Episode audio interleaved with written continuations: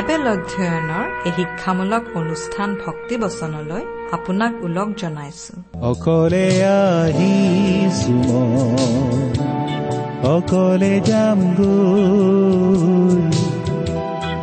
অকলে মই, অকলে যাম দুদিনীয়াই জীৱন নাট সামৰি থৈ অভিন দুদিনীয়াই জীৱন নাট সামৰি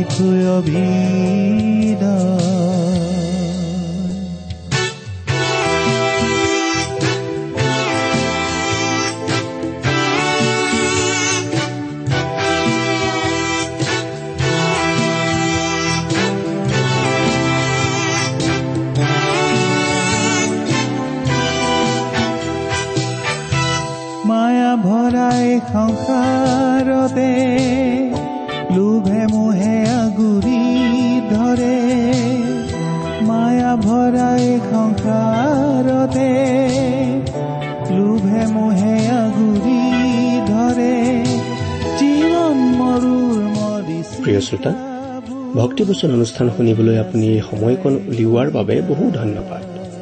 আজিও আমি আপোনালৈ লৈ আহিছো প্ৰভু যীশুৰ বাণী আৰু বাইবেলৰ জীৱনদায়ক কথাৰ শিক্ষামূলক অনুষ্ঠান ভক্তিবচন। আশা কৰো আপুনি এই অনুষ্ঠানৰ যোগেৰে আশীৰ্বাদৰ কথাবোৰ উপভোগ কৰিব পাৰিছে। ঈশ্বৰৰ সৰ্বজ্ঞানী শক্তিয়ে আপোনাৰ জীৱনৰ সকলো কথা জানে। তেওঁৰ আগত আপোনাৰ একো কথা লুকাই নাথাকে।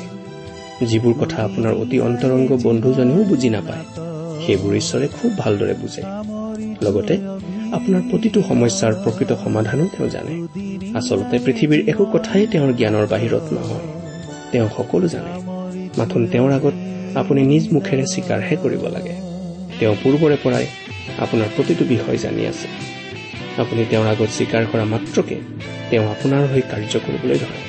আপুনি বাৰু তেওঁৰ আগত মনৰ সকলো কথা নিজ মুখেৰে স্বীকাৰ কৰিলেনে?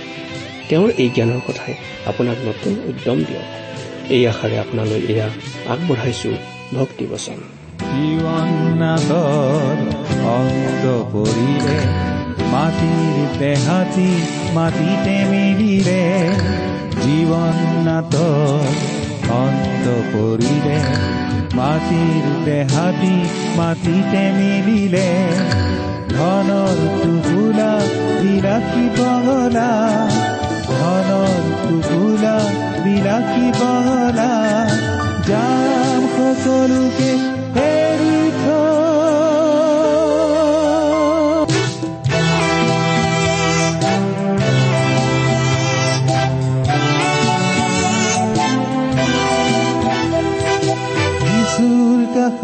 সকলো আছে নম্ৰ মনেৰে আহো বিশ্বাসেৰে যিচুৰ কাষতে সকলো আছে।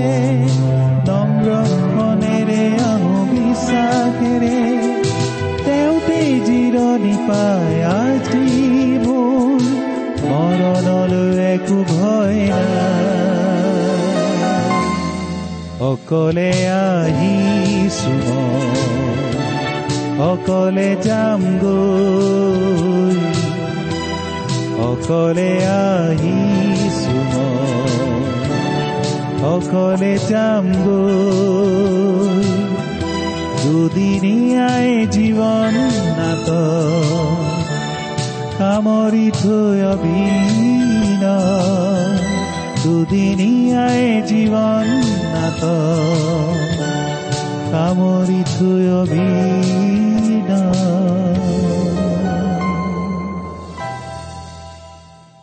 আমাৰ পৰম পবিত্ৰ প্ৰভু যীশুখ্ৰীষ্টৰ নামত নমস্কাৰ প্ৰিয় শ্ৰোতা। আশা কৰো মহান পিতা পৰমেশ্বৰৰ মহান অনুগ্ৰহত আপুনি ভালে কুশলে আছে। লগতে এই বুলিও আশা কৰিছো যে আপুনি আমাৰ এই ভক্তিবচন অনুষ্ঠানটো নিয়মিতভাৱে শুনি আছে। প্ৰিয় শ্ৰোতা এই অনুষ্ঠান শুনি আপুনি কেনে পাইছে আমালৈ চিঠি লিখি জনাবচোন। আপোনালোকৰ পৰা চিঠি পত্ৰ পাবলৈ আমি আগ্ৰহেৰে বাট চাওঁ। আহকচোন আজিৰ বাইবেল অধ্যয়ন আৰম্ভ কৰাৰ আগতে খন্তেক প্ৰাৰ্থনাত মূৰ দুৱাওঁ। স্বৰ্গত থকা অসীম দয়ালু পিতৃ ঈশ্বৰ তোমাৰ মহান নামৰ ধন্যবাদ কৰো। তুমি মহান তুমি কৰোণাময় তুমি অনুগ্ৰহৰ আকৰ। তোমাৰ অনুগ্ৰহতেই আজি আমি প্ৰভু যীশুত বিশ্বাস কৰি পৰিত্ৰাণ পাব পৰা হৈছো তোমাক পিতৃ বুলি মাতিব পৰা হৈছো। তুমি আমালৈ যিমান অনুগ্ৰহ দেখুৱাইছা তাৰ বাবে তোমাক ধন্যবাদ দি আমি শেষ কৰিব নোৱাৰো। এতিয়া প্ৰাৰ্থনা কৰিছো তোমাৰ মহান বাক্য বাইবেল শাস্ত্ৰৰ যোগেৰে তুমি আমাক কথা কোৱা। তোমাৰ মাত আমাক শুনিবলৈ দিয়া। কিয়নো এই প্ৰাৰ্থনা আমাৰ মহান ত্ৰাণকৰ্তা প্ৰভু যীশুখ্ৰীষ্টৰ নামত আগবঢ়াইছো।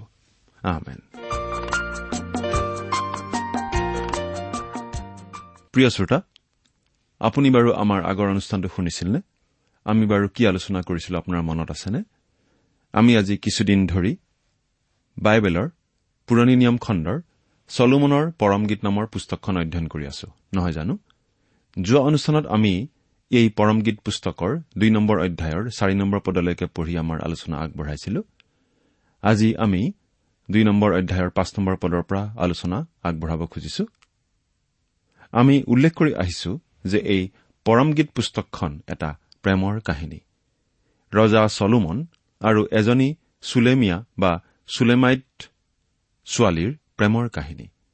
ৰজা চলোমনে সেই ছোৱালীৰ আগত প্ৰেম নিবেদন কৰিছিল এটা ভেড়াৰখীয়াৰ ৰূপত। কিন্তু পাছত সেই ছোৱালীক তেওঁ ৰাজপ্ৰসাদলৈ লৈ আহিছিল। ৰজা চলোমন আৰু সেই ছোৱালীয়ে পৰস্পৰে পৰস্পৰক কোৱা কথাই আমি এই পুস্তকত পাওঁ। কিন্তু তাৰ জৰিয়তে আচলতে খ্ৰীষ্টীয় মণ্ডলী আৰু প্ৰভু যীশুৰ মাজৰ প্ৰেমৰ কথা প্ৰকাশ কৰা হৈছে। এতিয়া আমি বাইবেলৰ পৰা পাঠ কৰি দিব খুজিছো। যদিহে আপোনাৰ লগত বাইবেল আছে চাই যাব। আৰু যদিহে বাইবেল নাই অনুগ্ৰহ কৰি মন দি শুনিব।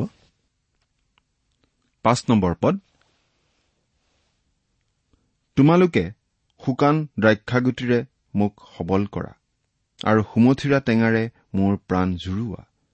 কিয়নো মই প্ৰেমতে পীড়িত হৈছো।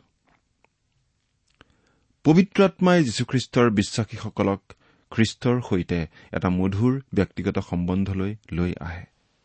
সেই সম্বন্ধ অতিশয় সন্তুষ্টিজনক। আমি মনত ৰখা উচিত যে খ্ৰীষ্টত পিতৃ ঈশ্বৰ পৰম সন্তুষ্ট।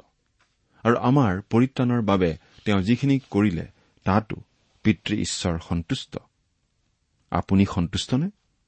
খ্ৰীষ্টত আপুনি সেই সন্তুষ্টি আহৰণ কৰিছেনে? এই পাঁচ নম্বৰ পদত আছে প্ৰেম পীড়া বা প্ৰেমৰ তাৰণাৰ কথা। চলোমন যদি প্ৰভু যীশুৰ ছবি আৰু চুলেমাইট খ্ৰীষ্টীয় মণ্ডলীৰ ছবি আৰু চুলেমাইট যদি চলোমনৰ প্ৰতি থকা প্ৰেমত পীড়িত হৈছিল তেন্তে মণ্ডলীও আজি প্ৰভুৰ প্ৰেমত পৰি পীড়িত হ'ব লাগিছিল। আজিৰ দুখ লগা কথাটো হৈছে যে মণ্ডলী প্ৰভুৰ প্ৰেমত পৰি পীড়িত মনৰ মণ্ডলী নহয়। খ্ৰীষ্টিয়ান হৈ গীৰ্জা প্ৰাৰ্থনা কৰা দান আগবঢ়োৱা বা চেগা চুৰুকাকৈ মণ্ডলীৰ ইটো সিটো কাম কৰিব পৰাই প্ৰভুৰ প্ৰতি প্ৰেম পীড়াত পৰাক নুবুজায়। প্ৰেম পীড়াই কেৱল এজন ব্যক্তিতেই মন ভাৱ চিন্তা কথা আৰু কাম আবদ্ধ ৰখায়। হয় মই যাক প্ৰেম কৰো তেওঁতেই মোৰ মন ভাৱ চিন্তা কথা আৰু কাম সীমাবদ্ধ কৰায়। মাক দেউতাকৰ নিজৰ ল'ৰা ছোৱালীৰ প্ৰতি থকা প্ৰেম। আৰু প্ৰেমিকৰ প্ৰেমিকাৰ প্ৰতি থকা প্ৰেম কিমান গভীৰ আৰু শক্তিশালী তাক কেৱল ভুক্তভোগীয়েহে জানে। প্ৰেম পীড়াত পৰি এনে পিতৃ মাতৃ আৰু প্ৰেমিক প্ৰেমিকাই প্ৰাণ পৰ্যন্ত দান কৰা ঘটনাৰ অভাৱ নাই। কিন্তু মণ্ডলীৰ হাঁহি উঠা অৱস্থাটোলৈ চাওকচোন। নিয়ম নীতি পালন কৰোতে কৰোতে মণ্ডলীৰ সমস্যা খণ্ডন কৰোতে কৰোতে কোজা হৈ গৈছে। প্ৰভুৰ প্ৰেমৰ তাৰণাৰ উপলব্ধি নাই যিহৰ ফলত দিনে দিনে প্ৰতিদিনে শয়নে সপোনে দিঠকে সকলো সময়তে মণ্ডলীৰ মন মণ্ডলীৰ ভাৱ চিন্তা মণ্ডলীৰ কথা আৰু কাম প্ৰভূত নিবদ্ধিত বা আবদ্ধ নহয়। প্ৰভুৰ প্ৰেমত পৰি সেই প্ৰেমত পীড়িত হবলৈ মণ্ডলীয়ে কেতিয়া যে শিকিব? আমাৰ প্ৰতি ঈশ্বৰৰ যি প্ৰেম সেই প্ৰেম আচলতে এটা সাঁথৰৰ নিচিনা। আমি সহজে বুজি নাপাওঁ। সেই প্ৰেম আমি বিচাৰো কিন্তু সেই প্ৰেমৰ গৌৰৱ মহিমা আমি সহিব নোৱাৰো। ছয় নম্বৰ পদ। তেওঁৰ বাওঁ হাত মোৰ মূৰৰ তলত আছে আৰু তেওঁৰ সোঁহাতে মোক আঁকোৱালি ধৰিছে। তেওঁৰ বাওঁ হাত মোৰ মূৰৰ তলত আছে। এৰা প্ৰভু যীশুখ্ৰীষ্টৰ সবল হাত মোৰ মূৰৰ তলত আছে। তেওঁ আমাক সম্পূৰ্ণৰূপে উদ্ধাৰ কৰিবলৈ সমৰ্থ। তেওঁৰ সোঁহাতে মোক আঁকোৱালি ধৰিছে। প্ৰভু যীশুৱে যেতিয়া আমাক আঁকোৱালি ধৰে তেতিয়া আমাৰ আৰু কিহৰ ভয়? তেওঁৰ হাতৰ পৰা কোনেও আমাক কাঢ়ি নিব নোৱাৰে। তেওঁ আমাক বিভিন্ন প্ৰলোভনৰ পৰা ৰক্ষা কৰিব পাৰে। তেওঁ আমাক সম্পূৰ্ণ সুৰক্ষা প্ৰদান কৰিব পাৰে। পদ। হে জিৰচালেমৰ জীয়াৰীবিলাক মই পথাৰৰ মৃগী আৰু হৰিণীবোৰৰ শপত দি কৈছো। প্ৰেমে নিজে ইচ্ছা নকৰে মানলৈকে তোমালোকে প্ৰেমক সাৰ নোপোৱাবা নজগাবা। তেওঁৰ টোপনিত বাৰু কিহে ব্যাঘাত জন্মাব পাৰে? তেওঁৰ সৈতে আপোনাৰ যি সহভাগিতা সেই সহভাগিতাত কিহে বাৰু ব্যাঘাত জন্মায়? আমাৰ জীৱনৰ পাপ আৰু অবাধ্য আচৰণে।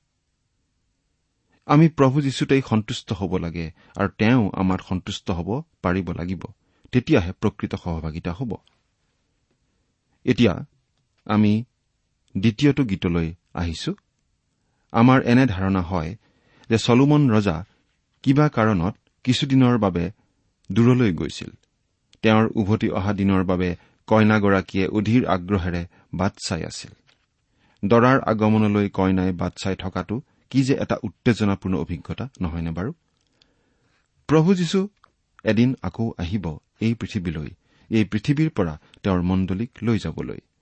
সেই দিনটোৰ বাবে প্ৰতিজন খ্ৰীষ্টীয় বিশ্বাসীয়েই আগ্ৰহেৰে বাট চাই থকা উচিত। এতিয়া আমি পাওঁ দৰাৰ মাতৰ কথা। পদ। সেয়া মোৰ প্ৰিয়ৰ মাত। চোৱা তেওঁ আহিছে। পৰ্বতৰ ওপৰত দেও দি আৰু গিৰিবোৰৰ ওপৰত জাপ দি আহিছে। মোৰ প্ৰিয়ৰ মাত। প্ৰভু যীশুৱে তেওঁৰ মাতৰ বিষয়ে কি কৈছিল বাৰু? সেই বিষয়ে আমি পাওঁ জোহনে লিখা শুভবাৰ্তা দহ নম্বৰ অধ্যায়ৰ সাতাইছ আৰু আঠাইছ নম্বৰ পদত। পাঠ কৰি দিছো। মোৰ মেৰবিলাকে হলে মোৰ মাত শুনে ময়ো সেইবিলাকক জানো। আৰু সেইবিলাক মোৰ পাছে পাছে আহে। আৰু মই সেইবিলাকক অনন্ত জীৱন দিওঁ। তাতে সেইবিলাক কেতিয়াও নষ্ট নহব আৰু কোনেও মোৰ হাতৰ পৰা সেইবিলাকক কাঢ়ি নলব। সেয়া মোৰ প্ৰিয়ৰ মাত। তেওঁ আহিছে। প্ৰিয় শ্ৰোতা প্ৰভু যীশু যেতিয়া আকৌ আহিব এই পৃথিৱীৰ পৰা খ্ৰীষ্টীয় মণ্ডলীক তুলি নিবলৈ তেতিয়া তেওঁৰ মাত শুনা যাব। সেই কথা আপুনি বাৰু চিন্তা কৰি চাইছেনে? প্ৰভু যীশুৰ মাত শুনি তেওঁৰ কথা বিশ্বাস কৰি তেওঁৰ ওচৰলৈ অহা লোকসকলক লৈয়েই খ্ৰীষ্টীয় মণ্ডলী আজি গঠিত হৈছে। আমি খ্ৰীষ্টৰ বিষয়ে শুনিছো তেওঁৰ মৃত্যুৰ কথা শুনিছো তেওঁ কবৰস্থ হোৱাৰ কথাও শুনিছো আৰু তেওঁ মৃত্যুক জয় কৰি পুনৰ জি উঠাৰ কথাও শুনিছো। আৰু সেই সকলোবোৰ কথা শুনি তেওঁত বিশ্বাস স্থাপন কৰিছো। আজি আমি প্ৰতিজন খ্ৰীষ্টীয় বিশ্বাসীয়েই তেওঁৰ কথালৈ কাণ দিওঁ। গতিকে যেতিয়া তেওঁ আকৌ আহিব তেতিয়া তেওঁৰ মাত আমি চিনি পাম। যীশুৱে কৈছিল মোৰ মেৰবিলাকে মোৰ মাত শুনে। মেৰবিলাকে জানে তেওঁ কোন। যেতিয়া প্ৰভু যীশু আকৌ আহিব এই পৃথিৱীৰ পৰা তেওঁৰ বিশ্বাসীসকলক তুলি লৈ যাবলৈ তেতিয়া বাৰু কি হ'ব? এই বিষয়ে আমি বাইবেলত এনেদৰে পাওঁ। প্ৰথম থিচলনিকীয়া চাৰি নম্বৰ অধ্যায়ৰ ষোল্ল নম্বৰ পদত পাঠ কৰি দিছো। কাৰণ জয়ধ্বনি প্ৰধান স্বৰ্গদূতৰ মাত আৰু ঈশ্বৰৰ তুৰিবাদ্যে সৈতে প্ৰভু নিজে স্বৰ্গৰ পৰা নামি আহিব আৰু খ্ৰীষ্টৰ আশ্ৰয়ত মৰা লোকবিলাকেই প্ৰথমে উঠিব। মাত তেওঁৰ চিঞৰ বা তুৰিধ্বনি আদি আচলতে তেওঁৰেই মাত। সেই মাত শুনিবলৈ খ্ৰীষ্টীয় মণ্ডলী অধীৰ আগ্ৰহেৰে বাট চাই থকা উচিত মোৰ প্ৰিয়জনৰ মাত। সেয়া তেওঁ আহিছে।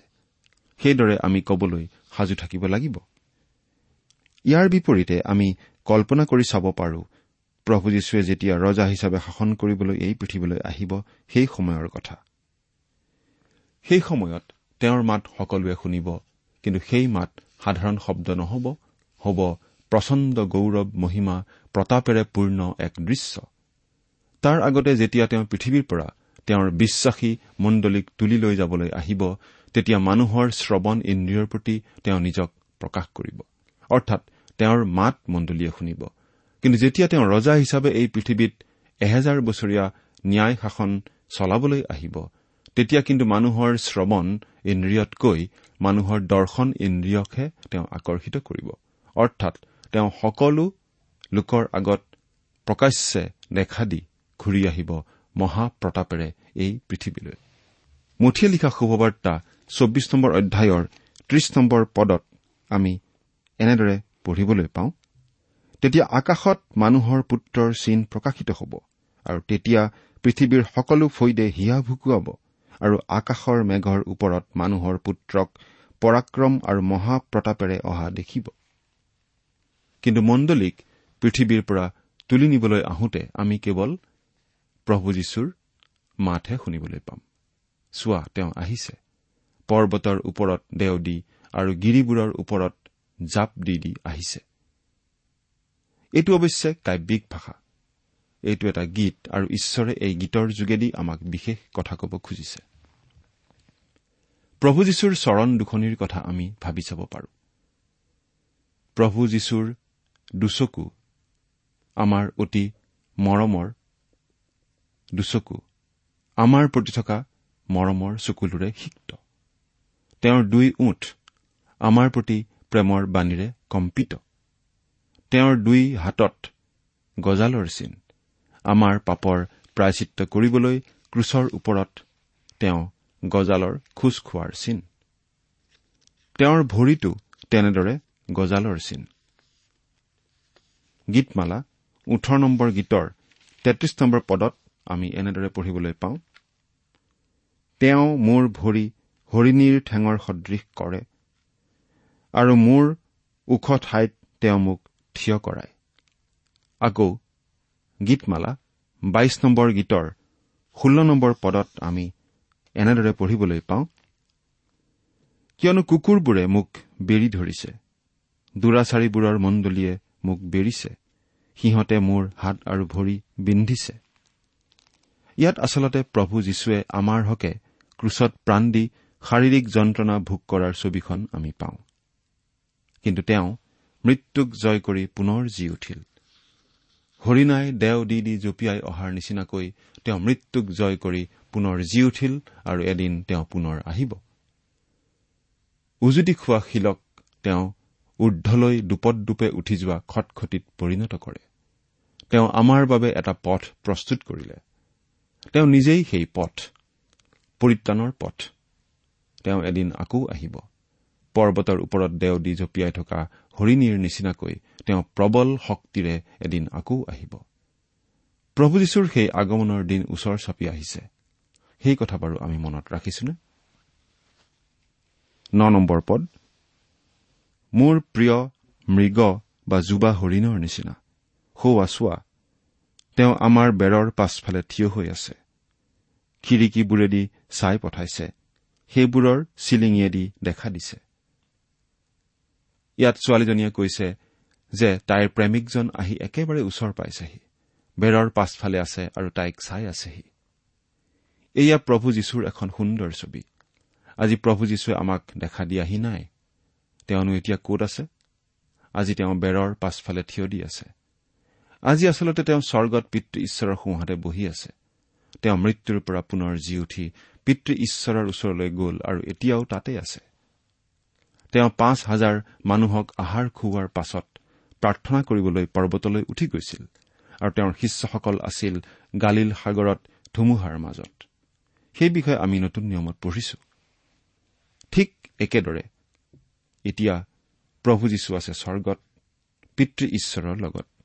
আৰু আমি আছো তলত এই পৃথিৱীৰ ঢৌ ধুমুহাৰ মাজত। তেওঁ এতিয়াও দেখা দিয়া নাই।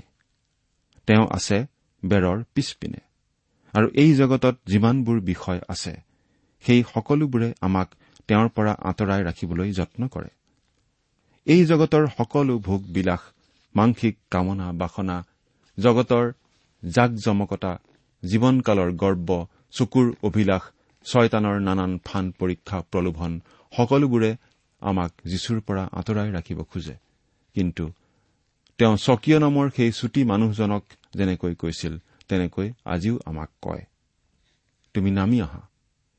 আজি মই তোমাৰ তাত আলহী হৈ থাকিব লাগে। লোকে লিখা শুভবাৰ্তা ঊনৈশ নম্বৰ অধ্যায়ৰ পাঁচ নম্বৰ পদ। তেওঁ আমাক আজি কয় নামি আহা। মই তোমাৰ ঘৰত আলহী হৈ থাকিব বিচাৰো। তোমাৰ সৈতে ভোজন কৰিব বিচাৰো। তেওঁ যেনেকৈ সেই সমাজৰ অৱহেলিত আৰু বৰ্জিত কৰ তোলা লোকসকলৰ ঘৰত ভোজন কৰিবলৈ গৈছিল তেনেকৈ আমাৰ ঘৰতো ভোজন কৰিব বিচাৰে। আমাৰ হৃদয়লৈ আহিব বিচাৰে। প্ৰিয় শ্ৰোতা তেওঁ আহিব বিচাৰে কিন্তু তেওঁক মাতিব লাগিব আমি। আমি আমন্ত্ৰণ জনালেহে তেওঁ আমাৰ জীৱনত প্ৰৱেশ কৰিব। তেওঁৰ বিষয়েই জোহন বাপ্তাইজকে এই বুলি মন্তব্য কৰিছিল। জোহনে লিখা শুভবাৰ্তা এক নম্বৰ অধ্যায়ৰ ছাব্বিছ নম্বৰ পদ।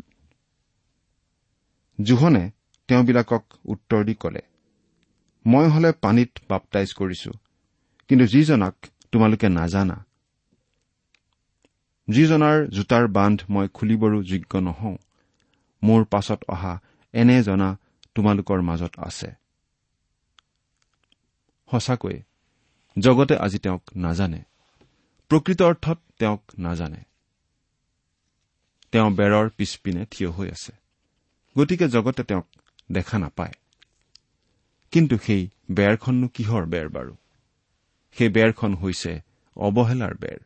সেই বেৰখন হৈছে ঈশ্বৰৰ প্ৰতি থকা মানুহৰ বিদ্ৰোহৰ মনোভাৱৰ বেৰ। সেই বেৰখন হৈছে পাপৰ বেৰ। আচলতে এইবোৰেই খ্ৰীষ্টৰ পৰা মানুহক আঁতৰাই ৰাখে। এই বেৰৰ সিপাৰে থকা খ্ৰীষ্টক মানুহে লক্ষ্যই নকৰে। কিন্তু তাৰ বাবে মানুহৰ পাপ স্বভাৱ মানুহৰ স্বাৰ্থপৰতা মানুহৰ অৱহেলা আদিয়েই দোষী। কিন্তু বেৰৰ পিছপিনৰ পৰা তেওঁ আমাক চাই আছে। আমাৰ সকলো কাৰ্যকলাপ তেওঁ দেখি আছে। আৰু এদিন তেওঁ সেই সকলোকে প্ৰকাশ কৰিব। সেই দিনলৈ বেছিদিন বাকী নাই। এতিয়া আমি পঢ়িবলৈ পাওঁ তেওঁৰ পুনৰ আগমনৰ গীত।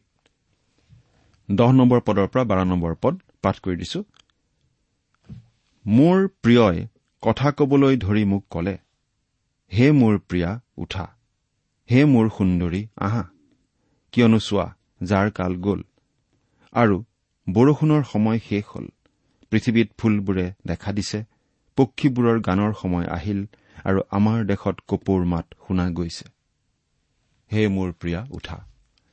হে মোৰ সুন্দৰী আহা। ইয়াত দৰাই কইনাক এনেদৰে কৈছে খ্ৰীষ্টই দৰা আৰু খ্ৰীষ্টীয় বিশ্বাসীসকলৰ সমষ্টি অৰ্থাৎ খ্ৰীষ্টীয় মণ্ডলী হৈছে কন্যা। খ্ৰীষ্টই মণ্ডলীক প্ৰেম কৰিলে আৰু মণ্ডলীৰ কাৰণে নিজৰ প্ৰাণ দিলে। তেওঁ নিজৰ তেজেৰে আমাৰ পাপৰ প্ৰায়চিত্ৰ কৰি আমাৰ মুক্তিৰ মূল্য দি আমাক কিনি ললে। তেওঁ আমাৰ বাবে এই কাম কৰিলে কাৰণ এদিন তেওঁ এই পৃথিৱীৰ পৰা আমাক অৰ্থাৎ তেওঁৰ বিশ্বাসী লোকসকলক লৈ যাবলৈ নিজে নামি আহিব। তেওঁ নিজৰ আগত তেওঁৰ বিশ্বাসী মণ্ডলীক উপস্থিত কৰাব যি মণ্ডলী হ'ব পবিত্ৰ কোনো দাগ নথকা শুদ্ধ সিদ্ধ। সেই পবিত্ৰীকৰণৰ কামটো তেওঁ এতিয়া কৰি আছে। আমি প্ৰতিজন খ্ৰীষ্টীয় বিশ্বাসীয়েই তেনেদৰে শুদ্ধ আৰু নিকা হোৱা প্ৰয়োজন। তেওঁ আমাক কেনেদৰে পৰিষ্কাৰ কৰে বাৰু? তেওঁ আমাক তেওঁৰ বাক্যৰূপী জলেৰে ধুই পৰিষ্কাৰ কৰে। সেইবাবেই আমি বাইবেল অধ্যয়ন কৰিব লাগে। তেওঁ নিজৰ বাবে এক গৌৰৱময় মণ্ডলী সাজু কৰিব বিচাৰে। তেওঁ নিজৰ মণ্ডলী সম্পূৰ্ণ নিকা কোনো দাগ নথকা পবিত্ৰ হোৱাটো কামনা কৰে। তেওঁৰ মণ্ডলীক তেওঁ সেই ৰূপত পাব বিচাৰে। সেইবাবেই তেওঁ কৈছে হে প্ৰিয়া উঠা। হে মোৰ সুন্দৰী আহা। কিয়নো চোৱা যাৰ কাল গ'ল এই জগতখন চেঁচা যেন প্ৰচণ্ড শীতলহৰহে চলি আছে। ঈশ্বৰৰ বাক্যৰ প্ৰতি কাণসাৰেই নাই। বৰষুণৰ সময় শেষ হ'ল। জীৱনটো ঢৌ ধুমুহা আদিৰে ভৰা। কিন্তু এই সকলোবোৰ এদিন শেষ হ'ব যেতিয়া খ্ৰীষ্ট আহিব। হে প্ৰিয় শ্ৰোতা আপুনি বাৰু জীৱনত অতি কঠিন পৰিস্থিতিৰ সন্মুখীন হৈ আছে নেকি? খ্ৰীষ্টই এই বিষয়ে এনেদৰে কৈছিল জোহনে লিখা শুভবাৰ্তা ষোল্ল নম্বৰ অধ্যায়ৰ তেত্ৰিশ নম্বৰ পদত আমি পাওঁ তোমালোকে মোত যেন শান্তি পোৱা এইকাৰণে এইবোৰ কথা তোমালোকক কলো। জগতত তোমালোকৰ ক্লেশ আছে কিন্তু নিৰ্ভয় হোৱা মই এই জগতক জয় কৰিলো। দুখ যন্ত্ৰণাত পৰিলে আমি অস্থিৰ হ'ব নালাগে। যদি দুখ কষ্টত পৰো সেইটোৱেই আচলতে খ্ৰীষ্টৰ বাক্য সত্য বুলিহে প্ৰমাণ কৰে। খ্ৰীষ্টত বিশ্বাসী লোকসকলৰ বিশ্বাসৰ প্ৰমাণ সেইটোৱেই কাৰণ জগতে খ্ৰীষ্টক ঘৃণায় আৰু খ্ৰীষ্টৰ শিষ্যসকলকো ঘৃণায়। কিন্তু যেতিয়া খ্ৰীষ্ট আহিব তেতিয়া সকলো দুখ কষ্টৰ সামৰণি পৰিব। তেওঁ আমাৰ চকুলো মুচি পেলাব। ভগ্ন হৃদয় তেওঁ আকৌ জোৰা লগাব। তেওঁৰ উপস্থিতিত আমাৰ সকলো দুখ বেদনা আঁতৰি যাব। যাৰ কালি শেষ হল। বৰষুণৰ দিনৰ অন্ত পৰিল। সেইদিনা আমি তেনেদৰে ক'ব পাৰিম। পৃথিৱীত ফুলবোৰে দেখা দিছে। প্ৰভু যীশুৱে যেতিয়া তেওঁৰ মণ্ডলীক এই পৃথিৱীৰ পৰা তুলি লৈ যাব আৰু স্বৰ্গত ঠাই দিব তাত নিশ্চয় সুন্দৰ মনোমোহা ফুলৰ বাগিচাও থাকিব। পক্ষীবোৰৰ গানৰ সময় আহিল আৰু আমাৰ দেশত কপৌৰ মাত শুনা গৈছে। আমি যেতিয়া প্ৰভু যীশুৰ লগত থাকিবলৈ পাম তেতিয়া নিশ্চয় যথেষ্ট গীত গান হ'ব। আৰু গীত গান প্ৰশংসাৰ কথাটোৱেই বাইবেলত যথেষ্ট প্ৰাধান্য পাইছে।